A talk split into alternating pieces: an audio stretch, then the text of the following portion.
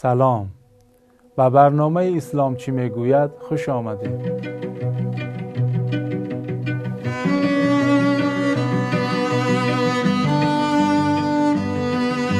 گفته می شود که امروز ما در عصر ارتباطات و اطلاعات زندگی داریم. عصری که در آن ارتباطات نزدیک و آسان و اطلاعات فراوان شده است.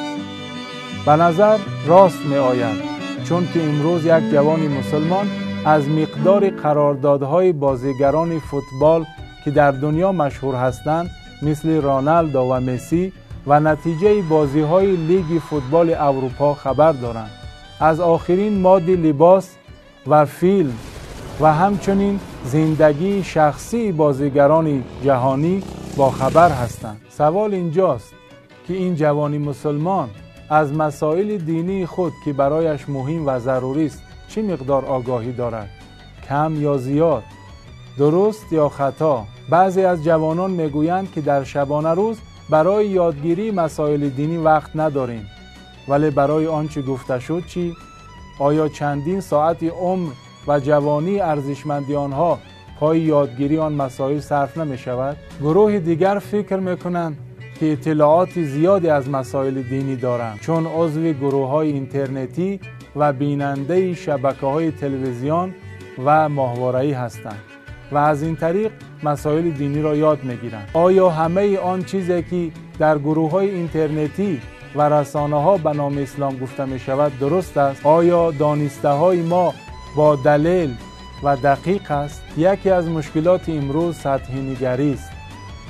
یعنی شخص فکر می‌کند که اطلاعات و آگاهی های زیاد دارد.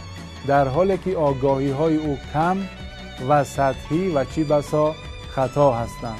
وقتی به این دانسته های خود چنان باور دارد که احتمال خطا در آن نمی‌دهد کار سختتر می شود به گفته شاعر آن کس که نداند و نداند که نداند در جهل مرکب ابد و دهر بماند. البته افراد و گروه های فرصت طلب و سجون از این نابسامانی با قصد و غرض بد استفاده کرده مسائلی نادرست را رواج می دهند تا مسلمانان با هم دشمن و درگیر شوند و آنها از دور به حال مسلمانان بخندند و آنها را بدنام کنند.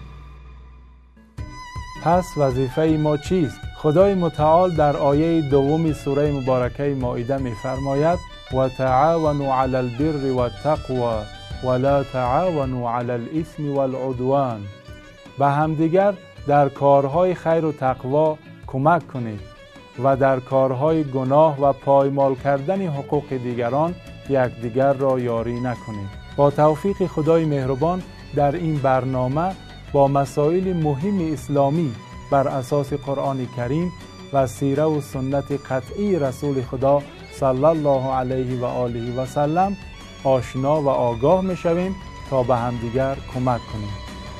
با امید دیدار و توفیق دوباره همه شما را به خدای بزرگ می سپاریم